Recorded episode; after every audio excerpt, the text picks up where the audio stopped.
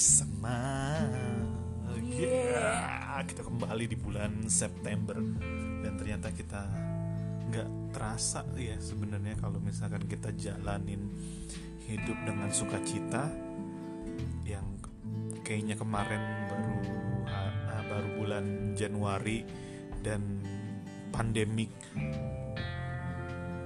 tiba-tiba muncul dan sekarang kita udah hampir mau menutup tahun 2020. Yes, betul sekali karena itu di kesempatan kali ini gue Natalie and suami gue Sebenarnya Julio mau sharing. iya sebenarnya ini adalah uh, take over bukan take over apa sih namanya ngoceh bareng istri di podcast gua. Yo, uh, as a bini, gue mau nanya husband, how you, uh, gimana caranya kamu masih bisa tough? Karena aku tahu banget sebagai istri kamu sering cerita ya, kalau kamu dari kecil memang sudah bekerja keras ya, di mana pun kamu berada, kamu nggak takut, nggak pernah. Istilahnya kalau anak-anak zaman sekarang jangan kasih kendor ya jangan kasih kendor dari kecil kamu sudah berjuang dengan kerasnya Jakarta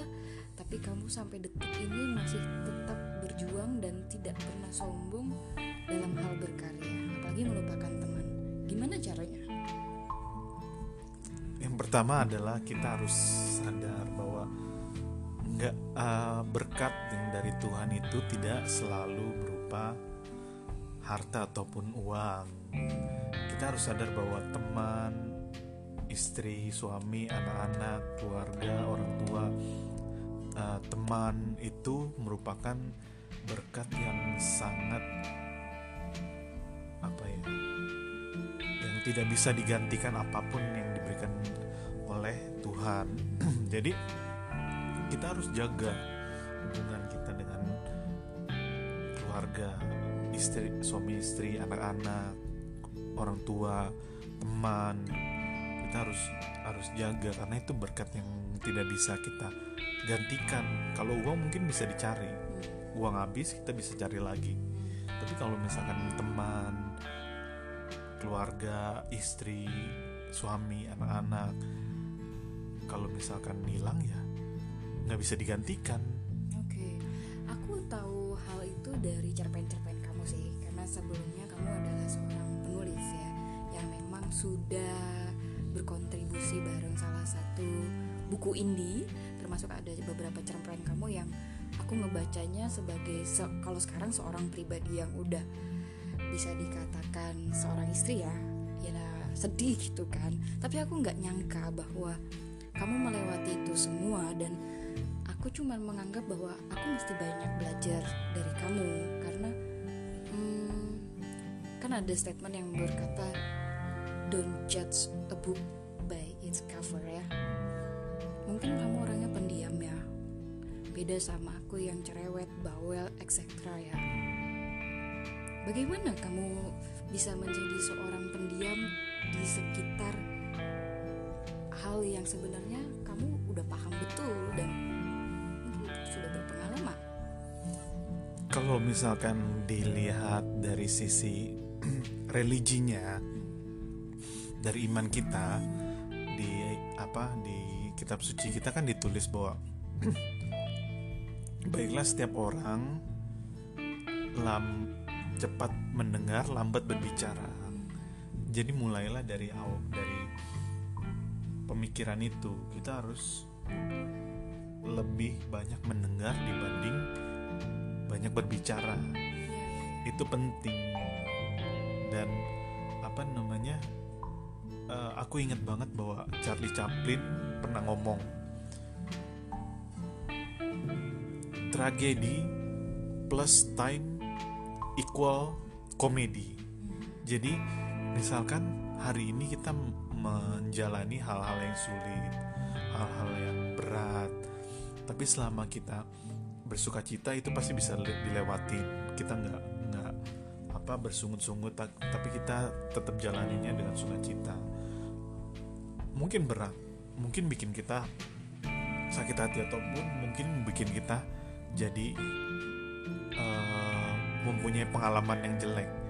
Tapi lama-lama selama kita jalanin hidup dengan sukacita tragedi plus time itu nantinya jadi komedi. Jadi pas kita lihat ke belakang lagi wow ternyata kita malah bersuka cita dengan kesusahan yang sudah kita lewatin.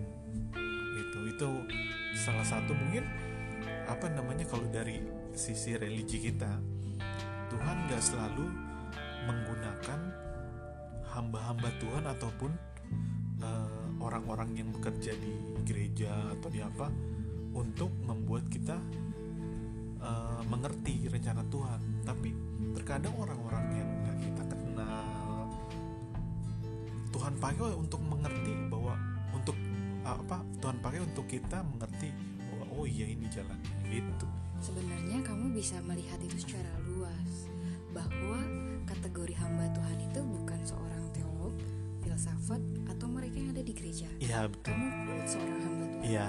Saudaraku yang jual gorengan pun seorang hamba Tuhan. Saudaraku yang memungut sampah pun hamba Tuhan karena dia melayani Tuhan dengan pekerjaan. Iya betul. So aku mau nyinggung sedikit sebuah pembelajaran perbedaan antara pemimpin dan manajer. Misalnya hmm. kamu bekerja di suatu perusahaan kamu membutuhkan pemimpin. Tapi kamu tidak hanya membutuhkan seorang pemimpin tapi kamu juga membutuhkan seorang manajer. Apa perbedaan manajer dan pemimpin? Menurut aku manajer itu adalah orang yang mengelola mengelola dalam arti misalkan si pemilik perusahaan punya modal sekian. Nah si manajer itu harus mengelola. Mengelola apa namanya uang itu supaya mengelola perusahaan menggunakan uang itu supaya perusahaan itu menjadi berkembang. Nah kalau leader kalau leader itu berbeda.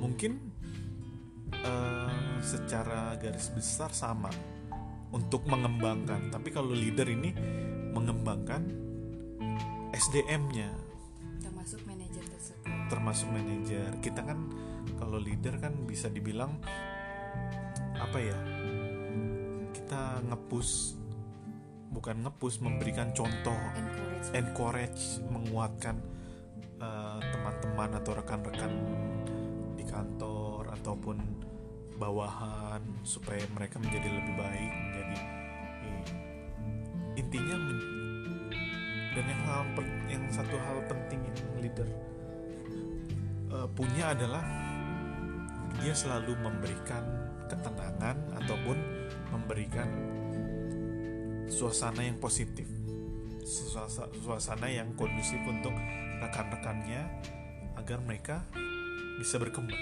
Oke, satu pertanyaan yang mesti kamu jawab. Apa?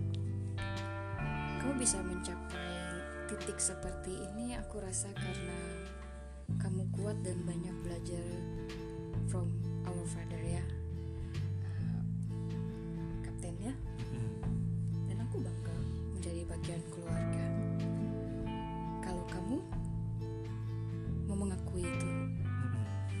Maaf aku nggak dengar kamu. Iya, aku mengakui. Iya. Karena kan kita secara nggak langsung pasti belajar dari orang tua kita sendiri. Dan itu jelas lah pasti setiap kita pasti biarpun mungkin orang tua kita jarang apa namanya menasehati kita, tapi kita sebagai anak kan pasti melihat dan mencontoh. Itu yang paling penting. That's true. Kalau aku ngelihatnya tadi kalau kamu nyinggung komedi, aku jadi inget satu legend di Indonesia, warung kopi. Warkop Ya. DKI. Tertawalah sebelum Tertawa itu. itu dilarang. Oke, sampai di sini dulu ngoceh bareng istri yang apa ya udah episode kedua ngoceh bareng istri. Oke, Thank you semoga everyone. kalian tetap semangat dan uh, hari-hari kalian positif. Oke, ciao.